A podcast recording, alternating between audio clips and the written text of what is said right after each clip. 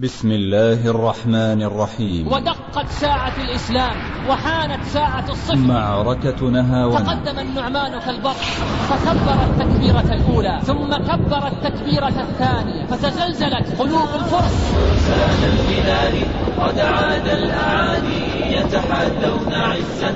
هيا للجهاد هيا هيا هيا هيا للجهاد. والله ما علمت من المسلمين أحدا يومئذ يريد أن يرجع إلى أهله حتى يقتل أو يظفر فحملنا حملة واحدة فما كنا نسمع إلا وقع الحديث. معركة. لا يستعمل البراء على جيش من جيوش المسلمين فإنه مهلكة من المهالك. هذا براء لا يبالي بالموت في يوم النزال.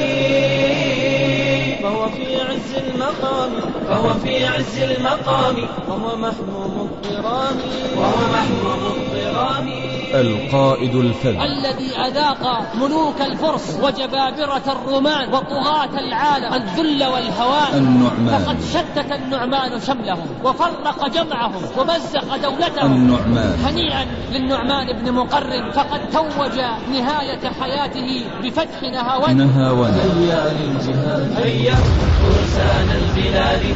قد عاد الأعادي. يتحدون عزا هيا للجهاد. إن هذا الدين عزيز ومهره عزيز مهره الدماء ومهره الأشلاء. إنها ميتة واحدة. فلتكن في سبيل الله. فلتكن في سبيل الله. في سبيل الله. القادسية تقدم هذه نهاوند معركة نهاون للشيخ ناصر الأحمد. فهذا هو الدرس الثالث من سلسلة دروس المعارك الإسلامية. ومع معركة نهاوند انتهت معركة القادسية بانتصاراتها وبطولاتها الرائعة ونزل سعد رضي الله عنه سعد بن أبي وقاص قصر كسرى وهو يقرأ قول الله تعالى كم تركوا من جنات وعيون وزروع ومقام كريم ونعمة كانوا فيها فاكهين كذلك وأورثناها قوما آخرين. هربت الفرس وتجمعت في جلولاء وجعلوا حول المدينة خندقا واجتمعوا متكاتفين وقائدهم مهران يوحد بينهم ويلم شعثهم وينفخ فيهم روح الثبات ومما زاد الأمر تعقيدا أن الفرس طرحوا حول الخندق حسك الحديد إلا طرقا يعرفونها. فكتب سعد رضي الله عنه بذلك إلى القائد الأعلى عمر بن الخطاب رضي الله عن الجميع فكتب عمر إلى سعد أن سرح هاشم ابن عتبة إلى جلولاء في اثني عشر الفا واجعل على مقدمته القعقاع ابن عمرو. سار هاشم وحاصر الفرس وأحاط بخندقهم وزاحفهم مرات عديدة ولم يتحقق النصر وخشي المسلمون أن يقال عنهم أن حب الدنيا أخرهم عن الشهادة أو النصر. فصمم الجميع على الهجوم على خنادق الفرس. وكان البطل هنا هو بطل القادسية القعقاع بن عمرو. فتقدم وتقدم الناس وراءه حتى انتهوا إلى باب الخندق فإذا بالقعقاع رضي الله عنه قد أخذ به وافتتحه وأخذ الفرس في الهزيمة فقتل منهم خلق كثير فسميت جلولاء بما جللها الله جل وتعالى من قتلاهم فهي جلولاء الوقيعة. كتب عمر إلى سعد ان فتح الله عليكم جلولاء فسرح القعقاع في أثر القوم حتى ينزل بحلوان فيكون ردءا للمسلمين ويحمي لكم سواد العراق.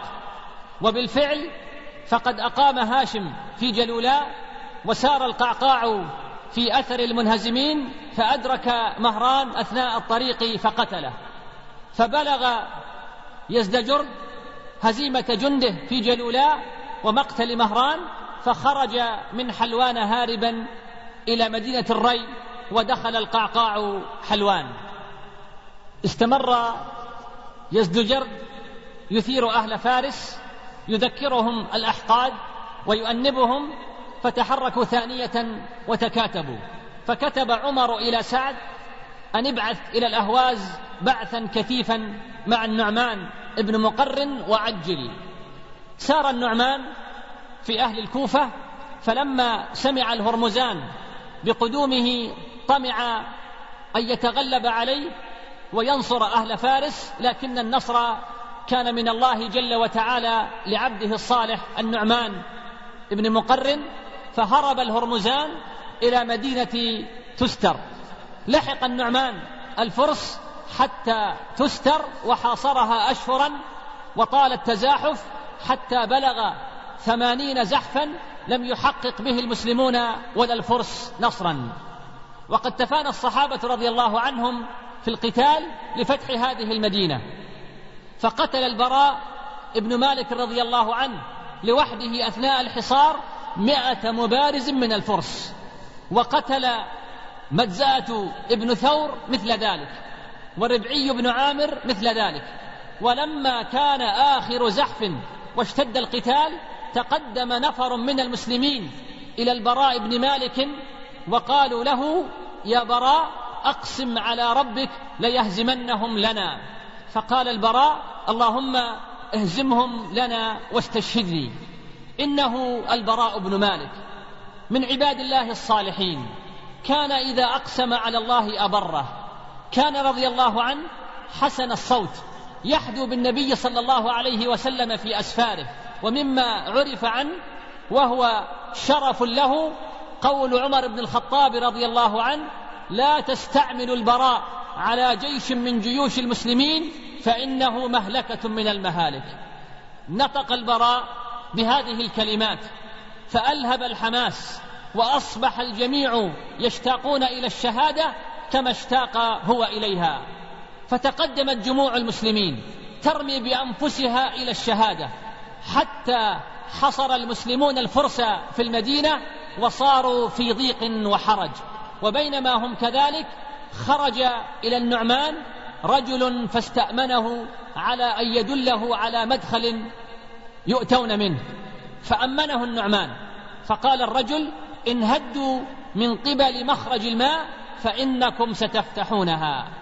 فندب النعمان للأمر رجالا هم كتائب الموت فاستطاعوا فتح أبواب المدينة بعد قتال شديد داخلها حتى هرب الهرمزان وحصر في القلعة وسط المدينة. فأقدم عليه الرجال الذين يبحثون عن الموت ولا يجدونه إلا في سيوف أعدائهم لكنه يفر منهم ويحل بالأعداء. وصلت كتائب الموت إلى الهرمزان فقال لهم ما شئتم؟ قد ترون ضيق ما أنا فيه وأنتم ومعي في جعبتي مئة نشابة ووالله ما تصلون إلي. ما دام معي نشابة قالوا فتريد ماذا؟ قال أن أضع يدي في أيديكم على حكم عمر يصنع بي ما يشاء. وهذا جبن من الهرمزان. إذ المفروض أن يقاتل حتى يقتل كما قتل أصحابه. لكنه أراد أن يطيل حياته بحجة أنه يريد أن يحكم عمر. رضوا بذلك. فرمى الهرمزان قوسه وأمكنهم من نفسه فشدوه وثاقا. أخذ أنس بن مالك والأحنف بن قيس الهرمزان إلى المدينة وألبسوه كسوته من الديباج الذي فيه الذهب ووضعوا على رأسه تاجا مكللا بالياقوت حتى يراه عمر والمسلمون في هيئته.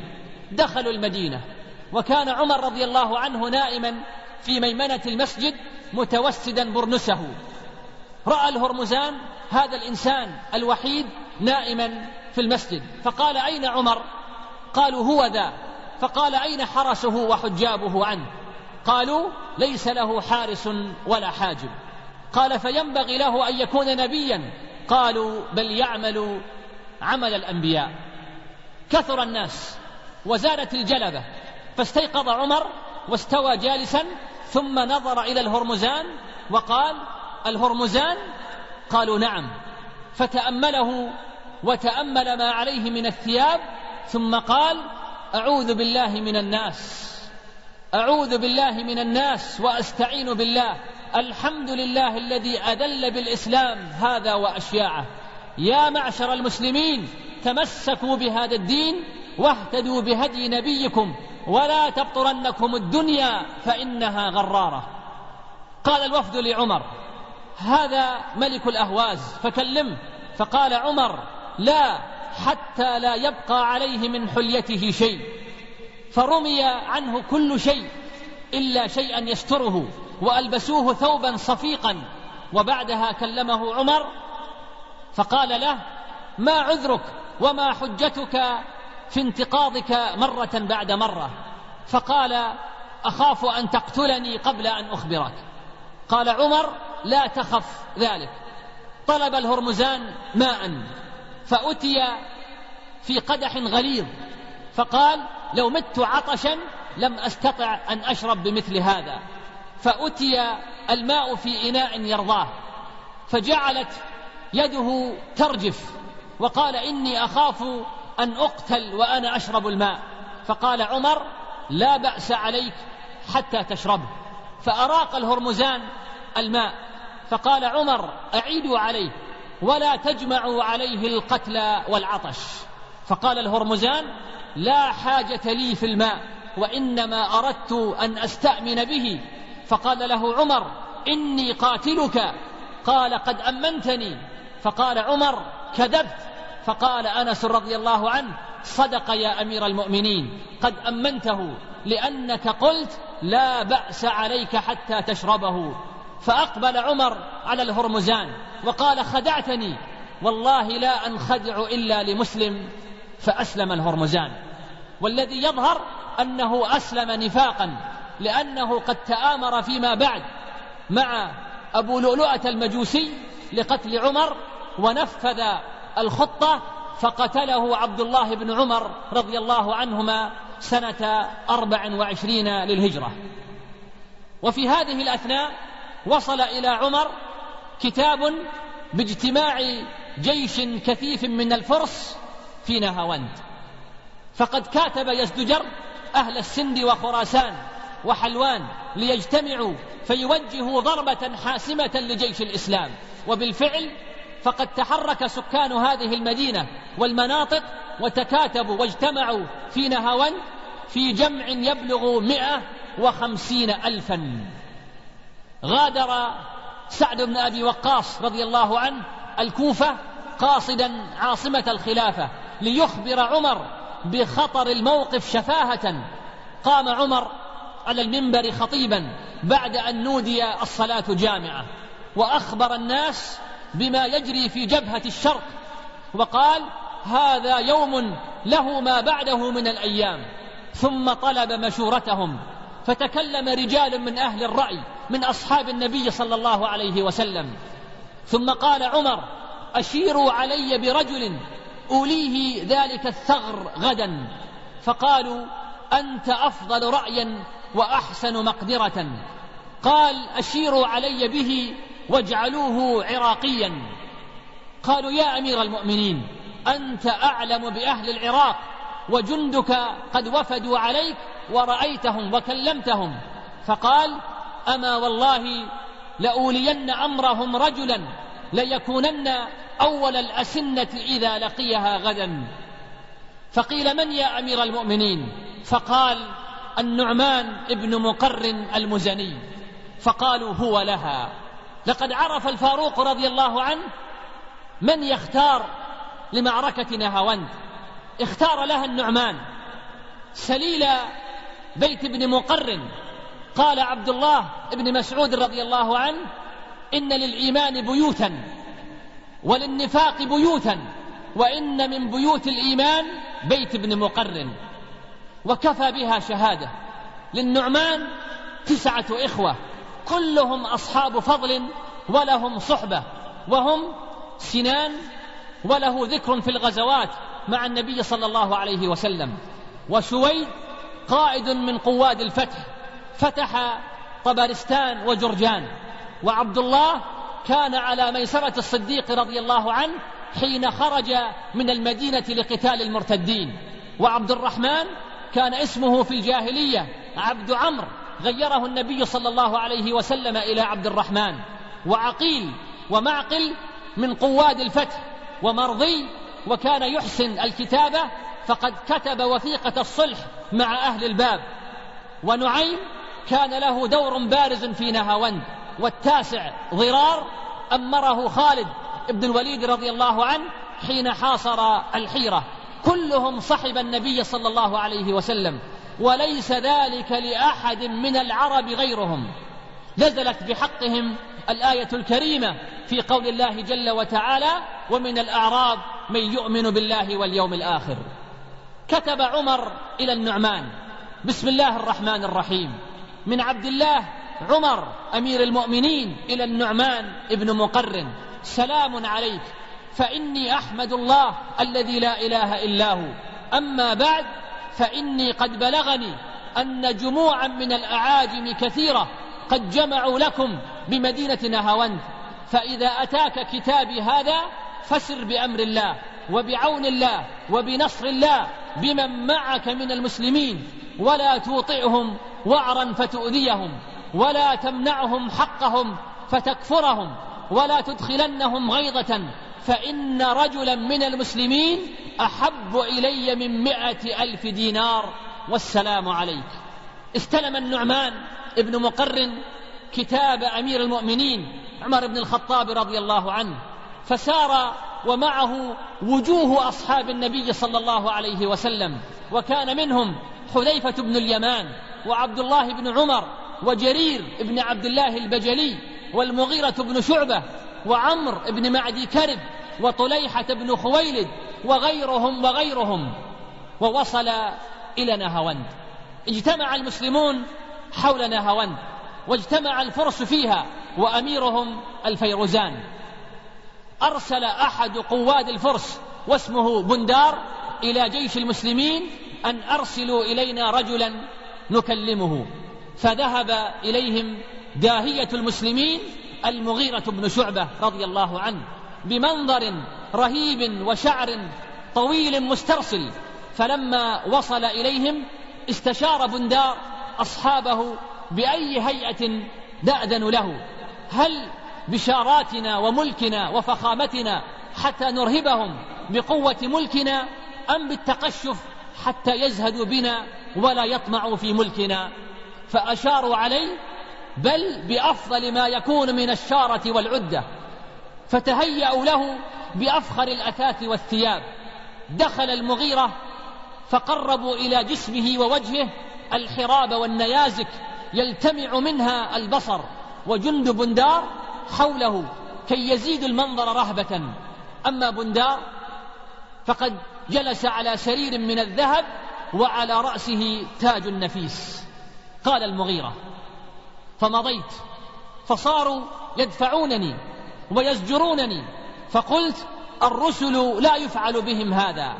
فقالوا إنما أنت كلب. يقول المغيرة فقلت لأنا أشرف في قومي من هذا في قومه. وأشار إلى بندار. فانتهره الجند وقالوا اجلس. فجلس. فتكلم بندار. وترجم للمغيرة. ومما قاله إنكم معشر العرب أبعد الناس من كل خير. وأطول الناس جوعا وأشقى الناس شقاء وأقدر الناس قدرا وأبعدهم دارا. وما منعني أن آمر هؤلاء الأساورة حولي أن ينتظموكم بالنشاب إلا تنجسا لجيفكم فإنكم أرجاس فإن تذهبوا تركناكم وإن تأتوا نريكم مصارعكم. قال المغيرة فحمدت الله وأثنيت عليه ثم قلت والله ما أخطأت من صفتنا شيئا ولا من نعتنا. إنا كنا لأبعد الناس دارا وأشد الناس جوعا وأشقى الناس شقاء وأبعد الناس من كل خير حتى بعث الله عز وجل إلينا رسوله صلى الله عليه وسلم. فوعدنا النصر في الدنيا والجنة في الآخرة. فوالله ما زلنا نتعرف من ربنا منذ جاءنا رسوله الفتح والنصر حتى أتيناكم. وإنا والله لا نرجع إلى ذلك الشقاء أبدا حتى نغلبكم على ما في أيديكم أو نقتل بأرضكم. وإني أرى عليكم بزة وهيئة ما أرى من خلفي يذهبون حتى يصيبوها. قال المغيرة فقلت في نفسي لو جمعت ثيابي فوثبت وثبة فقعدت مع هذا العلج بندار على سريره لعله يتطير.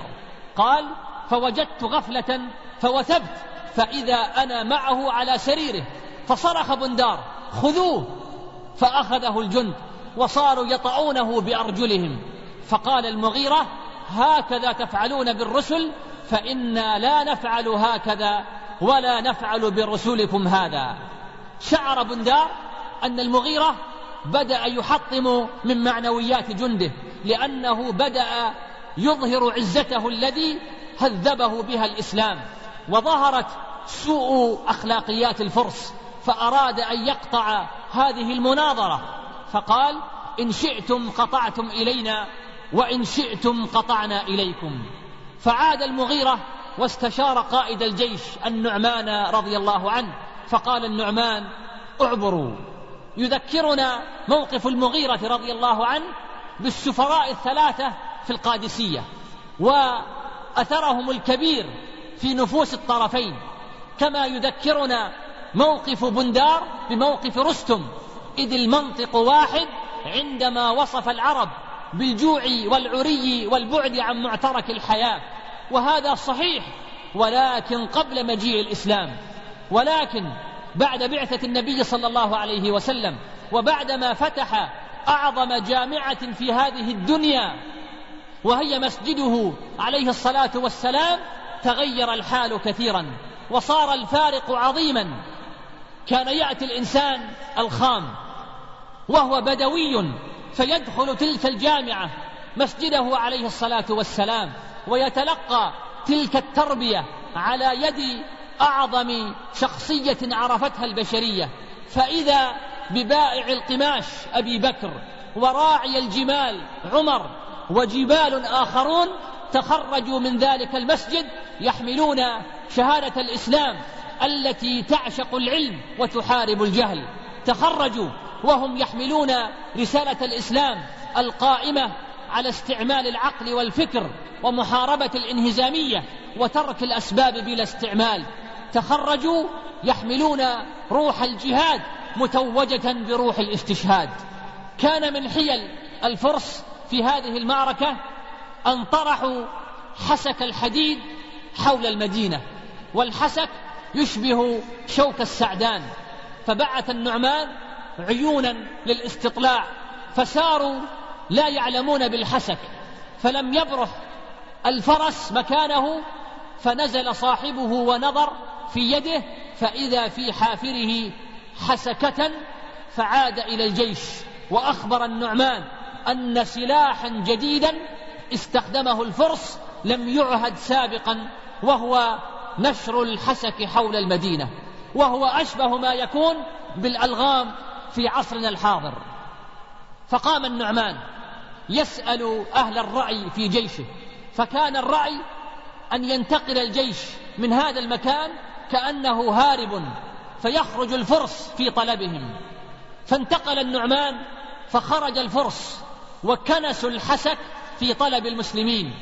وكان النعمان قد عبأ الكتائب ونظم الجيش وكان عدده ثلاثون ألفا. وجعل في مقدمة الجيش نعيم ابن مقرن وجعل على مجنبتيه حذيفة بن اليمان وسويد بن مقرن وعلى المجردة القعقاع بن عمرو. ولما رأى النعمان جمعهم الكبير كبر فكبر معه المسلمون فتزلزلت قلوب الفرس وحطت قواهم. وقد سمع الفرس هذه التكبيرة سابقا في القادسية ويعلمون نتائجها وأثرها في نفوس من يرددها.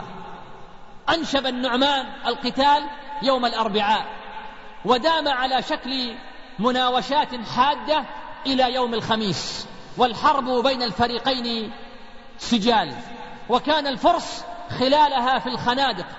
خشي المسلمون أن يطول الأمر فإنهم لم يعتادوا ذلك في لقاء العدو. فربما كان علامة نقص في الإيمان أو شاهد على حب الدنيا. فتجمع أهل الرأي فكأنهم هيئة أركان لأكبر قائد ولأطهر جيش. فقال النعمان ترون المشركين واعتصامهم بخنادقهم وأنهم لا يخرجون إلينا إلا إذا شاءوا. فما الرأي؟ فكان الرأي ما أشار به طليحة أن يبعث خيلا مؤدية فيحدق بهم ثم يرموا لينشبوا القتال ويغضبوهم. فإذا غضبوا واختلطوا بهم وأرادوا الخروج هرب المسلمون خدعة فيخرج الفرس في أثرهم. أمر النعمان القعقاع أن ينشب القتال بعد أن رتب معه الخطة وهي أن يسحب جيش الفرس إلى كمين وهو عبارة عن مكان محاط بالجبال من ثلاث جهات يسمى في مصطلح الحروب بعنق الزجاجة. يختبئ حوله المسلمون حتى يصل القعقاع بالفرس فينقض المسلمون عليهم. وكان ذلك يوم الجمعة. فتقدم القعقاع وأنشب القتال فخرج الفرس من خنادقهم. فلما خرجوا نكص القعقاع بجنده حسب الخطة. ثم نكص ثم نكص واغتنمها الأعاجم ففعلوا كما ظن طليحة رضي الله عنه. وقال الفرس هي هي أي هي هزيمة المسلمين. فخرج الفرس ولم يبق منهم أحد في الخنادق إلا من يقوم على الأبواب. وجعلوا يتبعون المسلمين حتى انقطعوا عن حصنهم وخنادقهم وأمر النعمان الناس أن يلزموا الأرض ولا يقاتلوهم حتى يأذن لهم. ففعلوا واستتروا بالتروس من رمي الفرس.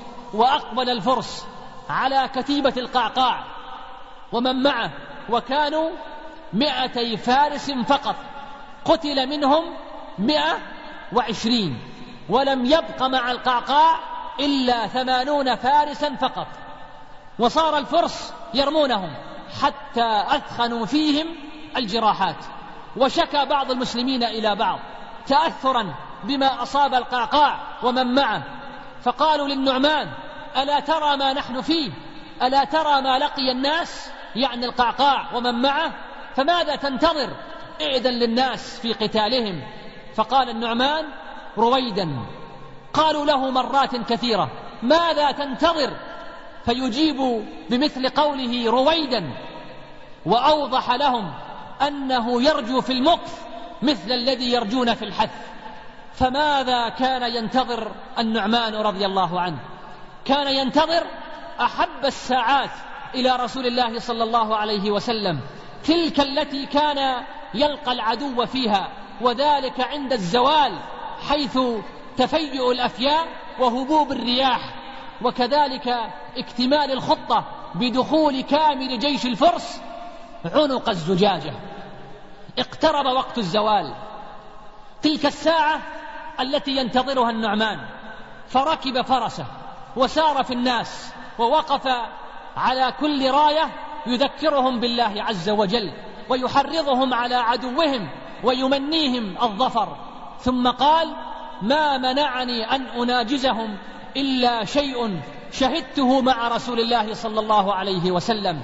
إن رسول الله صلى الله عليه وسلم كان إذا غزا فلم يقاتل أول النهار لم يعجل حتى تحضر الصلاة وتهب الرياح ويطيب القتال فما منعني إلا ذلك. ثم قال فإذا قضيت أمري فاستعدوا فإني مكبر ثلاثا. فإذا كبرت التكبيرة الأولى فليتهيأ من لم يكن تهيأ. فإذا كبرت الثانية فليشد الرجل إزاره وليتأهب للنهوض. فإذا كبرت الثالثة فإني حامل إن شاء الله فاحملوا معا. فإن قتلت فالأمير بعدي حذيفة بن اليمان. فإن قتل ففلان. وعد سبعة آخرهم المغيرة بن شعبة.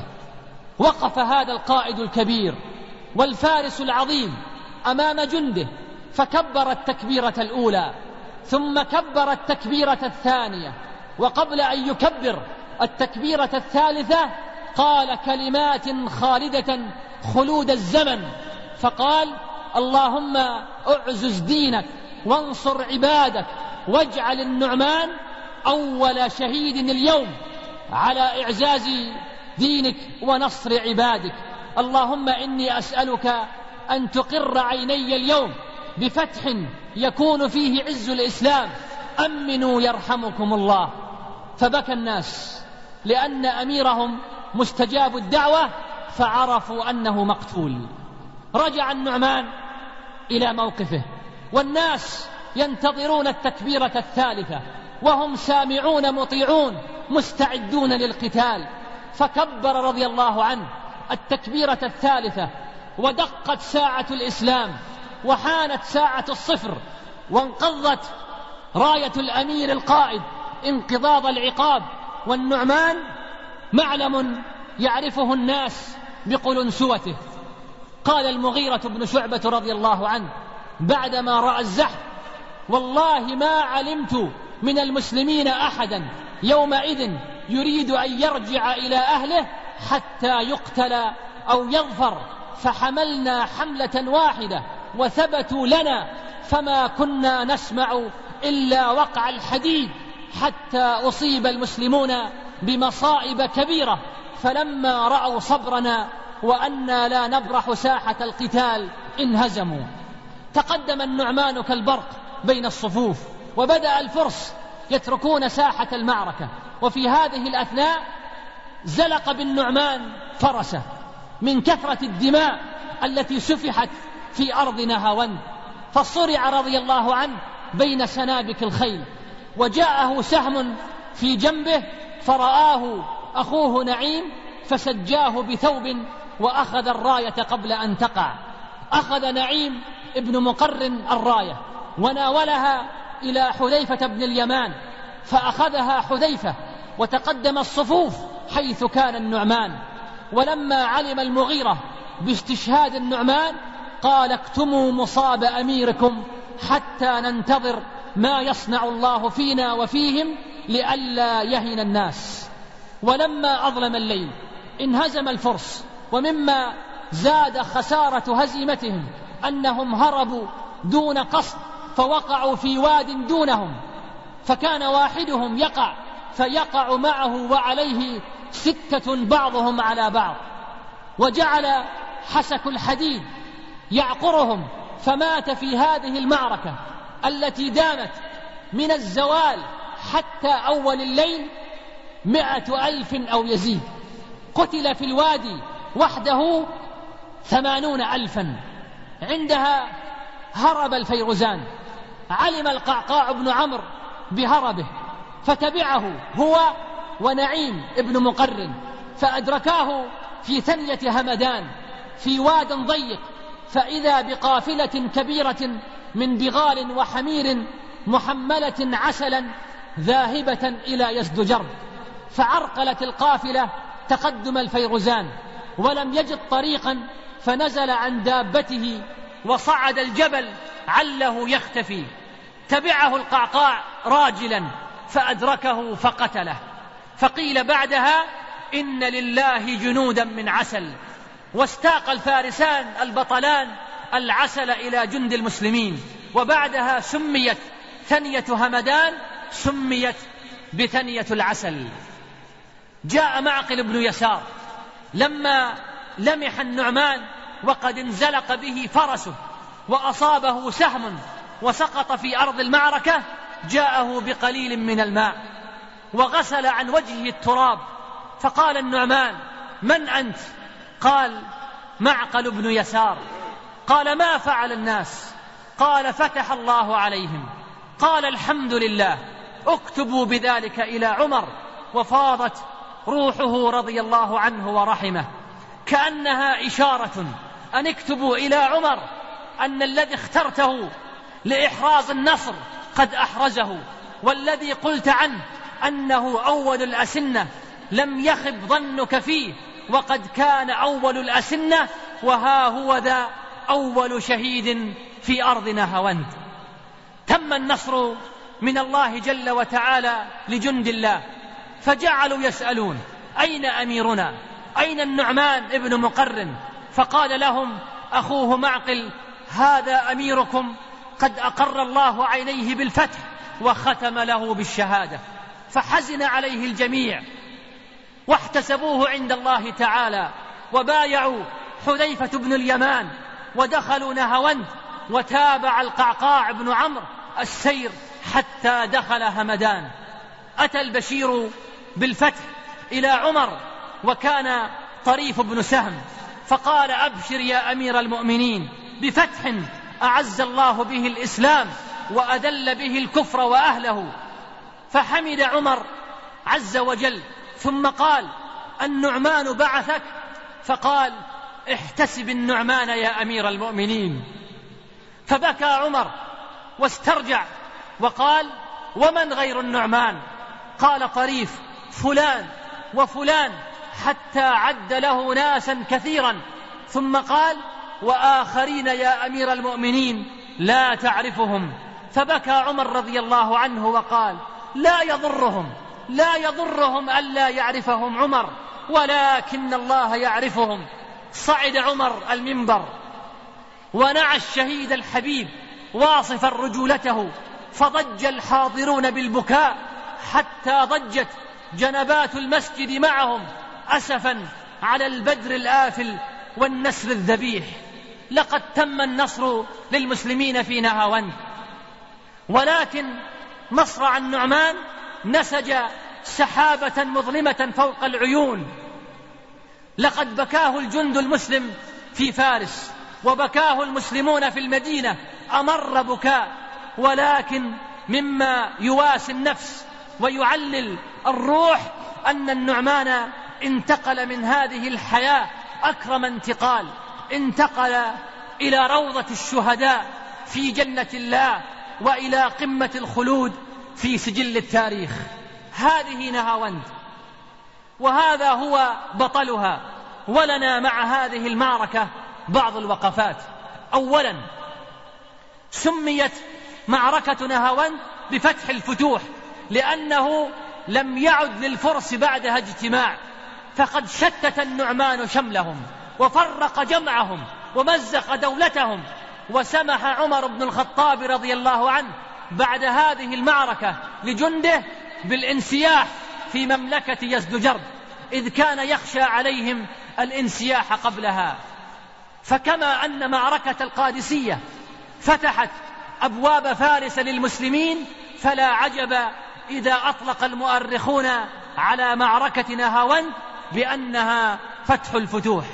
ثانيا هنيئا للنعمان بن مقرن المزني رضي الله عنه فقد حفظ له التاريخ جهاده تحت لواء الرسول صلى الله عليه وسلم وموقفه الرائع في حروب أهل الردة وجهاده المشرف تحت لواء خالد بن الوليد وسعد بن أبي وقاص وبلاءه المجيد في حروب الأهواز.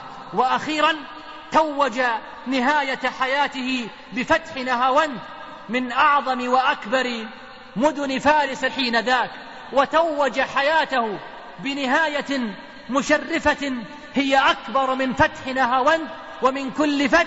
إنها الشهادة في سبيل الله. إنها الشهادة في سبيل الله.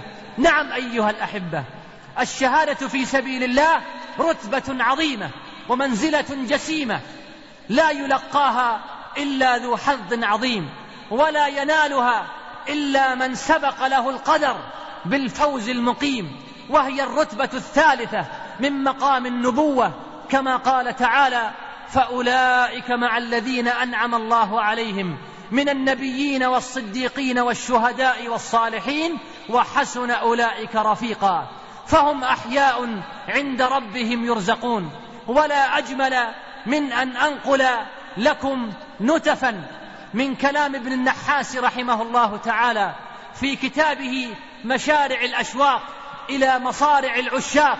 عندما تحدث رحمه الله عن منزلة الشهيد فقال مما قال فإن مما يجب اعتقاده أن الأجل محتوم وأن الرزق مقسوم وأن ما أخطأ لا يصيب وأن سهم المنية لكل أحد مصيب وأن كل نفس ذائقة الموت وأن الجنة تحت ظلال السيوف وأن الري الأعظم في شرب كؤوس الحتوف وأن من اغبرت قدماه في سبيل الله حرمه الله على النار وأن الشهداء عند الله من الأحياء وأن أرواحهم في جوف طير خضر تتبوأ من الجنة حيث تشاء وأن الشهيد تغفر له جميع ذنوبه وخطاياه وأنه يشفع في سبعين من أهل بيته ومن والاه. وأنه يأمن يوم القيامة من الفزع الأكبر وأنه لا يجد كرب الموت ولا هول المحشر وأنه لا يحس ألم القتل إلا كمس القرصة وكم للموت على الفراش من سكرة وغصة وأن الطاعم النائم في الجهاد أفضل من الصائم القائم في سواه ومن حرس في سبيل الله لا تبصر النار عيناه وأن المرابط يجرى له أجر عمله إلى يوم القيامة وأن ألف يوم لا تساوي يوما من أيامه وأن رباط يوم خير من الدنيا وما فيها وأنه يأمن من فتنة القبر وعذابه وأن الله يكرمه يوم القيامة بحسن مآبه فوا عجبا فوا عجبا كيف أن ذروة السنام قد درست آثاره فلا ترى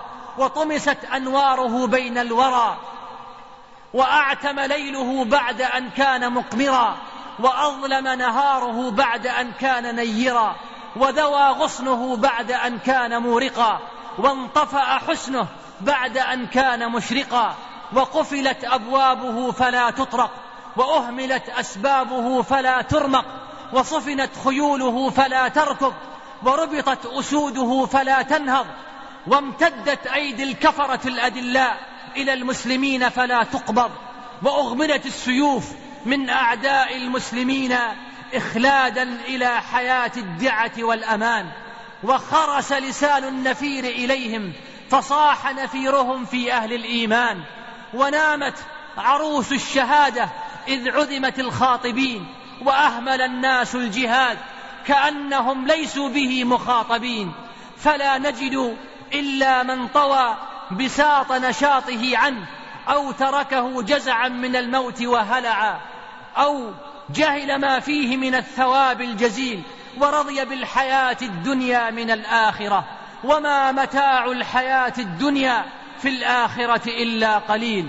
هؤلاء الشهداء الذين قتلوا في سبيل الله قد أمنوا من عظيم الأهوال والكربات وسكنوا في أجل المحال في أعلى الغرفات وكرعوا من النعيم أكوابا وادرعوا من التنعيم أثوابا ومتعوا بجنان الفردوس مستقرا ومآبا وتمتعوا بحور عين كواعب أترابا أرواحهم في جوف طير خضر تجول في الجنان تأكل وتشرب وتأوي إلى قناديل معلقة في عرش الرحمن. يتمنون الرجوع إلى هذه الدار ليقتلوا في سبيل الله مرات ومرات لما بهرهم من ثواب الله الجزيل.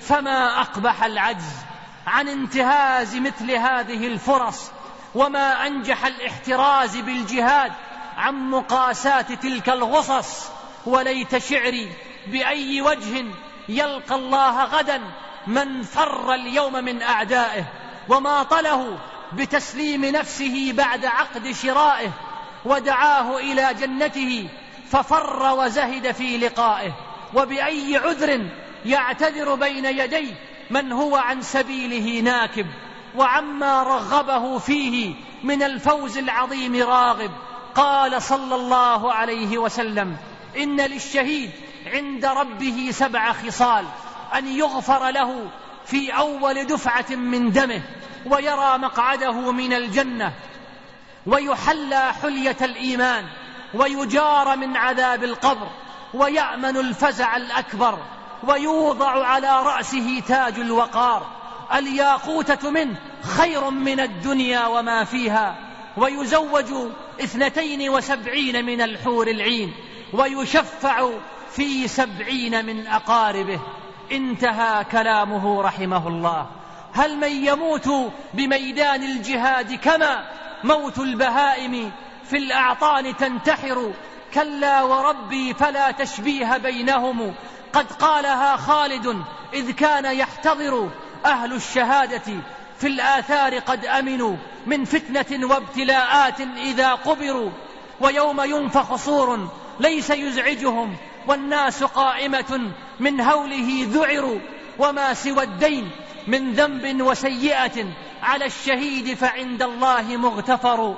أرواحهم في علا الجنات سارحة تأوي القناديل تحت العرش تزدهر وحيث شاءت من الجنات تحملها طير مغردة ألوانها خضر. إن الشهيد شفيع في قرابته سبعين منهم كما في مسند حصروا والترمذي أتى باللفظ في سنن وفي كتاب أبي داود معتبر مع ابن ماجة والمقدام ناقله في ضمن ست خصال ساقها الخبر ما كل من طلب العلياء نائلها إن الشهادة مجد دونه حفر وقد تردد في الأمثال من زمن لا يبلغ المجد حتى يلعق الصبر. رب اشترى أنفسا ممن يجود بها. نعم المبيع ورب العرش ما خسروا. إن هذا الدين عزيز ومهره عزيز لأنه تنزل من عند العزيز. مهره الدماء ومهره الأشلاء. فإن كنت يا هذا مشتاقا للقاء الحور فواصل الطريق. ولا تتخطفك الدنيا بملذاتها. ولا تتزوج الدنيا فإنه من تزوجها قتلته في ليلة زفافه فحيا على جنات عدن فإنها منازلك الأولى وفيها المخيم. فيا بائعا هذا ببخس معجل كأنك لا تدري ولا أنت تعلم. فإن كنت لا تدري فتلك مصيبة وإن كنت تدري فالمصيبة أعظم. إنها ميتة واحدة. فلتكن في سبيل الله. ثالثا لقد ربح النعمان معركة نهاوند وإن خسر جسده.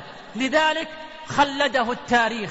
ولو خسر هذه المعركة من أجل الحفاظ على جسده لأهمله التاريخ.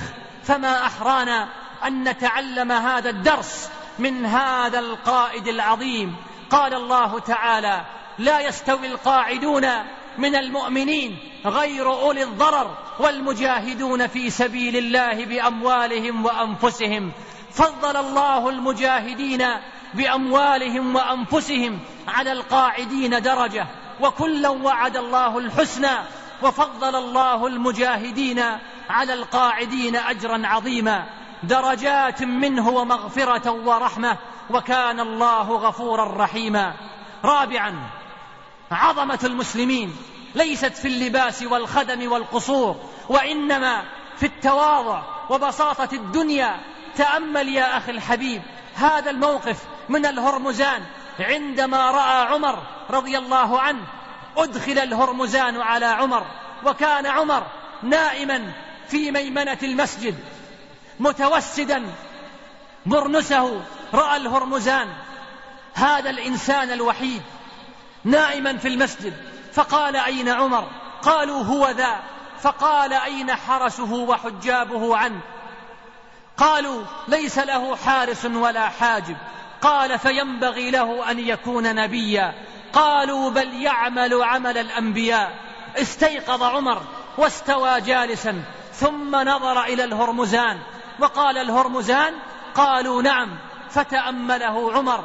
وتأمل ما عليه من الثياب ثم قال أعوذ بالله من الناس وأستعين بالله. الحمد لله الذي أذل بالإسلام. هذا وأشياعه.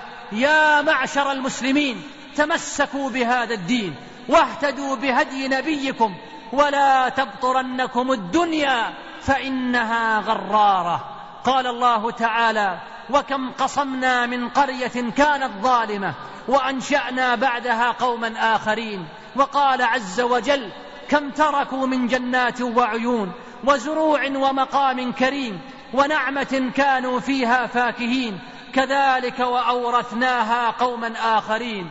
وقال عز من قائل ونريد أن نمن على الذين استضعفوا في الأرض ونجعلهم أئمة. ونجعلهم الوارثين. خامسا أتدرون بماذا ننتصر على أعدائنا؟ ننتصر عليهم بعشقنا للموت كما يعشق الكفار الحياة. تأمل موقف الهرمزان عندما واجه الموت وطلب الأسر وجبن عن أن يموت كما يموت الأبطال نصرة لدينهم وأمجاد أمتهم. بينما كان البراء يطلب الموت في أشرق صورة وهي الشهادة في سبيل الله تعالى لينهزم الأعداء وينتصر المسلمون وذلك عندما دعا اللهم اهزمهم واستشهدني. وهذا عمر الفاروق رضي الله عنه يرشح أحد أبطال المسلمين وهو النعمان ابن مقرن لكي يقود جيش المسلمين فيصفه بأنه أول من تصله أسنة الأعداء فيصدق حدسه فيه فيكون النعمان من أوائل شهداء نهاوند وهو يقول كلمات خالدة خلود الزمن اللهم أعزز دينك وانصر عبادك واجعل النعمان أول شهيد اليوم على إعزاز دينك ونصر عبادك.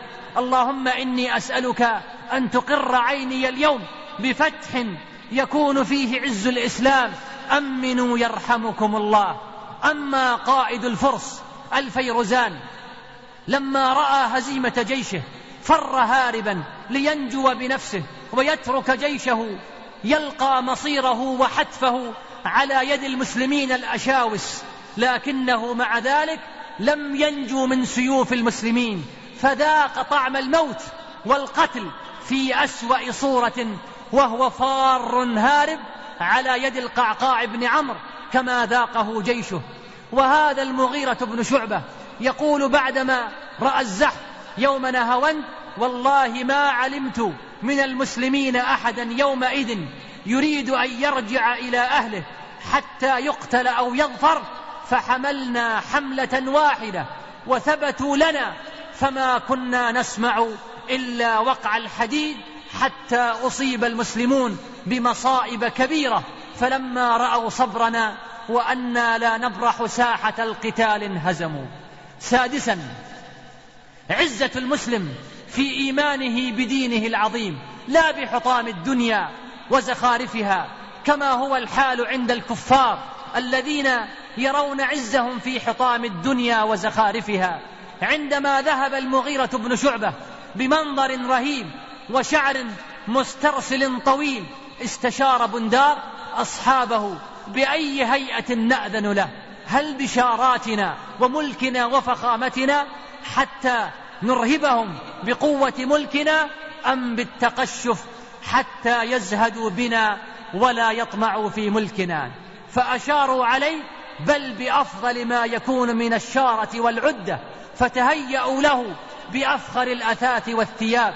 وأجلسوا بندار على سرير من الذهب وعلى رأسه تاج نفيس لم يكترث. المغيرة رضي الله عنه بما رأى بل حطم معنويات الفرس وشعر بندار أن المغيرة بدأ يحطم من معنويات جنده لأنه بدأ يظهر عزته الذي هذبه بها الإسلام وظهرت سوء أخلاقيات الفرس. فنحن قوم أعزنا الله بالإسلام فمهما ابتغينا العزة بغير ديننا أذلنا الله. قال الله تعالى ولا تهنوا ولا تحزنوا وأنتم الأعلون إن كنتم مؤمنين إنه الإسلام الذي جعل المسلمين يفتحون خزائن العلم وخزائن الحكمة والمعرفة. إنه الإسلام الذي أذاق ملوك الفرس وجبابرة الرومان وطغاة العالم الذل والهوان عندما أرادوا أن يناطحوا صخرته. فإذا ما حاسبنا أنفسنا اليوم وما نحن فيه من مهانة وتأخر وضعف نجد أننا قد تركنا هذا الدين في العبادات والمعاملات والأخلاق. ونسينا أن الصديق رضي الله عنه وأن الفاروق وعثمان وعليا وقائد نهاون واليرموك والقادسية أولئك العظماء الذين نباهي بهم وفتحوا ما فتحوا ما كانت عظمتهم إلا بفضل الإسلام وبعقيدة هذا الدين. ومن يبتغي غير الإسلام دينا فلن يقبل منه وهو في الآخرة من الخاسرين. سابعا إن الأمة اليوم بحاجة إلى مثل بيوت آل مقرن. فكان فيهم العالم والداعية والمجاهد. كم هو نعمة أن يرزق الرجل بأولاد كلهم جنود للإسلام ويخدمون هذا الدين. كل بحسب ما حباه الله من مواهب وقدرات. وهذا سيكون له أثر على تغيير واقع الأمة. وقد حفظ لنا التاريخ عددا من البيوت كانت بيوت خير وبركة. فمن ذلك أولاد العباس كانوا عشرة منهم عبد الله والفضل ومكثر وقثم وعبيد الله وعبد الرحمن وغيرهم. ولا يعرف في التاريخ قبور إخوة تباعدت كما تباعدت قبور أولاد العباس. فهي ما بين سمرقند واليمن وإفريقيا ومصر والحجاز والعراق والشام. وكان الناس يستغربون من مجالس أولاد العباس. فعبد الله ترجمان القرآن وأخوه عبيد الله من كبار المنفقين المطعمين المتصدقين. وعبد الرحمن مجاهد قتل في فتح إفريقيا. والزبير بن العوام كان أولاده علماء ومجاهدين. فأكرم به من بيت في الإسلام.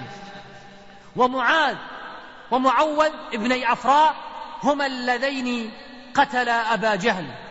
وأيضا من أسر الإسلام التي لها شأن في خدمة هذا الدين آل المهلب بالعراق وآل منده وآل نور الدين زنكي أسرة مجاهدة بالموصل وما حوله وآل قدامة وآل تيمية والشيء بالشيء يذكر. فوالد شيخ الإسلام عبد الحليم ابن عبد السلام كان عالما جليلا لكن لم يشتهر ذكره. والسبب كما ذكر صاحب كتاب الدارس في تاريخ المدارس أنه خرج بين الشمس والقمر فلهذا لم يذكر. ابنه شيخ الإسلام ابن تيمية رحمه الله تعالى ووالده المجد أبو البركات ابن تيمية وهما من هما في غنائهما عن الإسلام والمسلمين. فلهذا لم يشتهر أمر عبد الحليم وإلا فهو عالم من العلماء.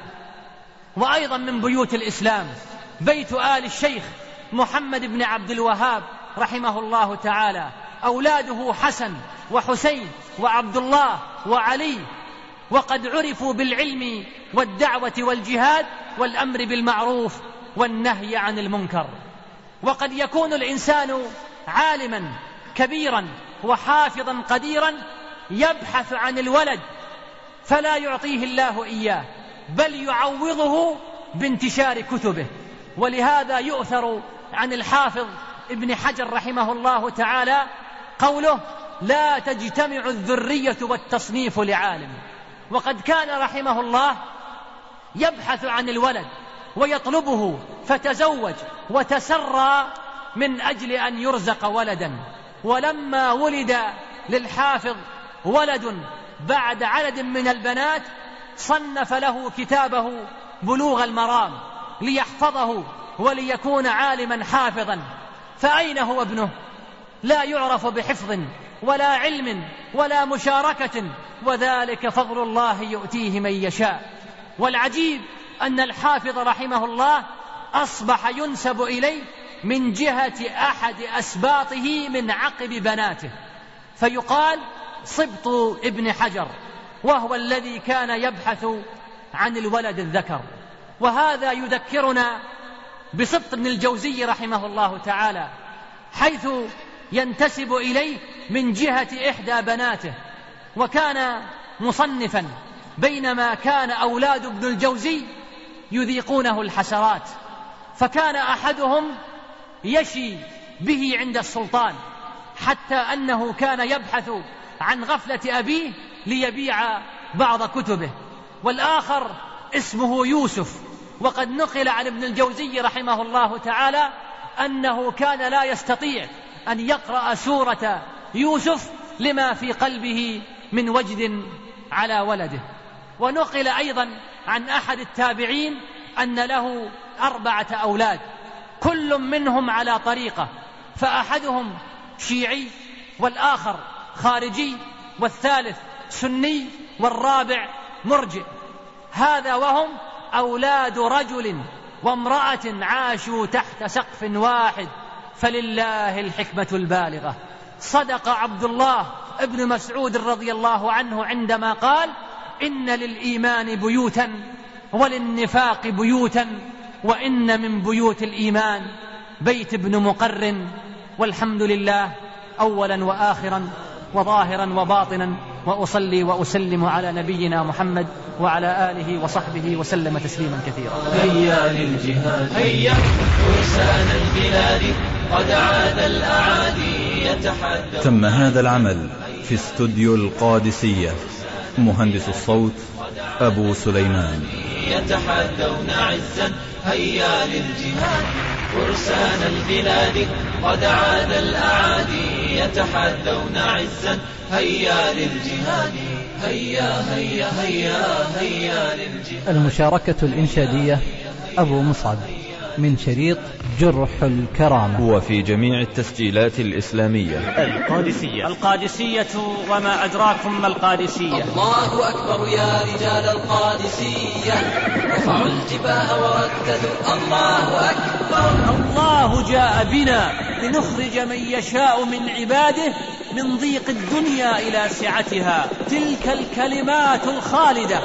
التي سطرها التاريخ وأجيال المسلمين يرددون الله أكبر يا رجال القادسية. في القادسية كسر المسلمون شوكة المجوس وبعدها انساح دين الإسلام في العالم شرقا وغربا. الله أكبر. والله لأضربن ملوك العجم بملوك العرب. الله أكبر. إليك الأسد في براثنه لقد باشرت الحروب وسمعت بالأبطال ولم أر مثل هذا. الله أكبر. فاقتاد الفرس يلعب برمحه وسلاحه بين الصفين حتى إذا كان بحيال الميمنة كبر. الله أكبر. يدخل المعسكر لوحده والجند آلاف. الله أكبر. فكسر عنقه ثم وضع السيف على حلقه فذبح هكذا فاصنعوا بهم. قاتلوهم يعذبهم الله بأيديكم ويخزهم وينصركم عليهم ويشف صدور قوم مؤمنين. قتلت رستم ورب الكعبة فكبر الجميع. الله أكبر يا رجال القادسية. رفعوا الجباه ورددوا. الله أكبر. ما كنت أرى أن في العرب مثل هؤلاء. أحفاد خالد والمثنى والمغيرة.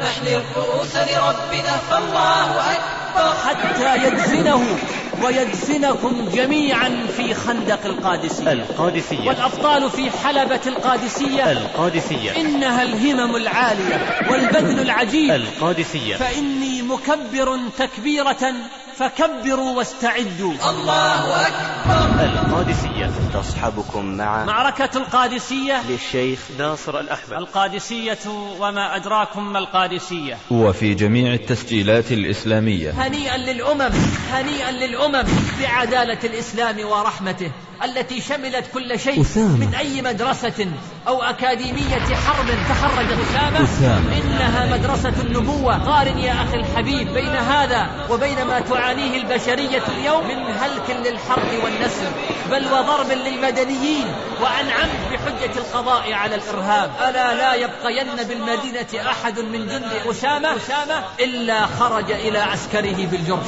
إلى المحراب يا جيش وغير الله لا تخشوا فلن يحلو لنا العيش سوى في عودة الأقصى. الله أكبر. الله أكبر. يا أيها النبي حرض المؤمنين على القتال. يا معشر المسلمين من أراد فرسا يقاتل عليه في سبيل الله فهذا فرسي وسلاحي. أنا يا أبت. الله أكبر. يا بني أخرج وفقك الله لما يحب ويرضى. لبس السلاح وركب الجواد على مثل هذا يربى النشء وإلا فلا. صلاح الدين نادانا سلاحي كان إيمانا. وتوحيدا وقرآنا به الرحمن قد وصى. به الرحمن قد اثبت اثبت يا قاتل أبي. من أنت؟ وما الذي حملك على قتل نفوسكم؟ إن قتل النفس في سبيل الله محمود عند الله تعالى. أيها الناس عليكم بالجهاد. عليكم بالجهاد. أبشروا. حصرت والله الروم. حصرت والله الروم. غلبت الروم. الله أكبر. القادسية تقدم. إلى المحراب يا جيش. معركة اليرموك. لفضيلة الشيخ ناصر الأحمد. وختاما تقبلوا تحيات إخوانكم في تسجيلات القادسية الإسلامية بالدمام. هاتف رقم ثمانية ثلاثة اثنان واحد واحد واحد صفر. وللعلم فإن جميع الحقوق محفوظة. والسلام عليكم ورحمة الله وبركاته.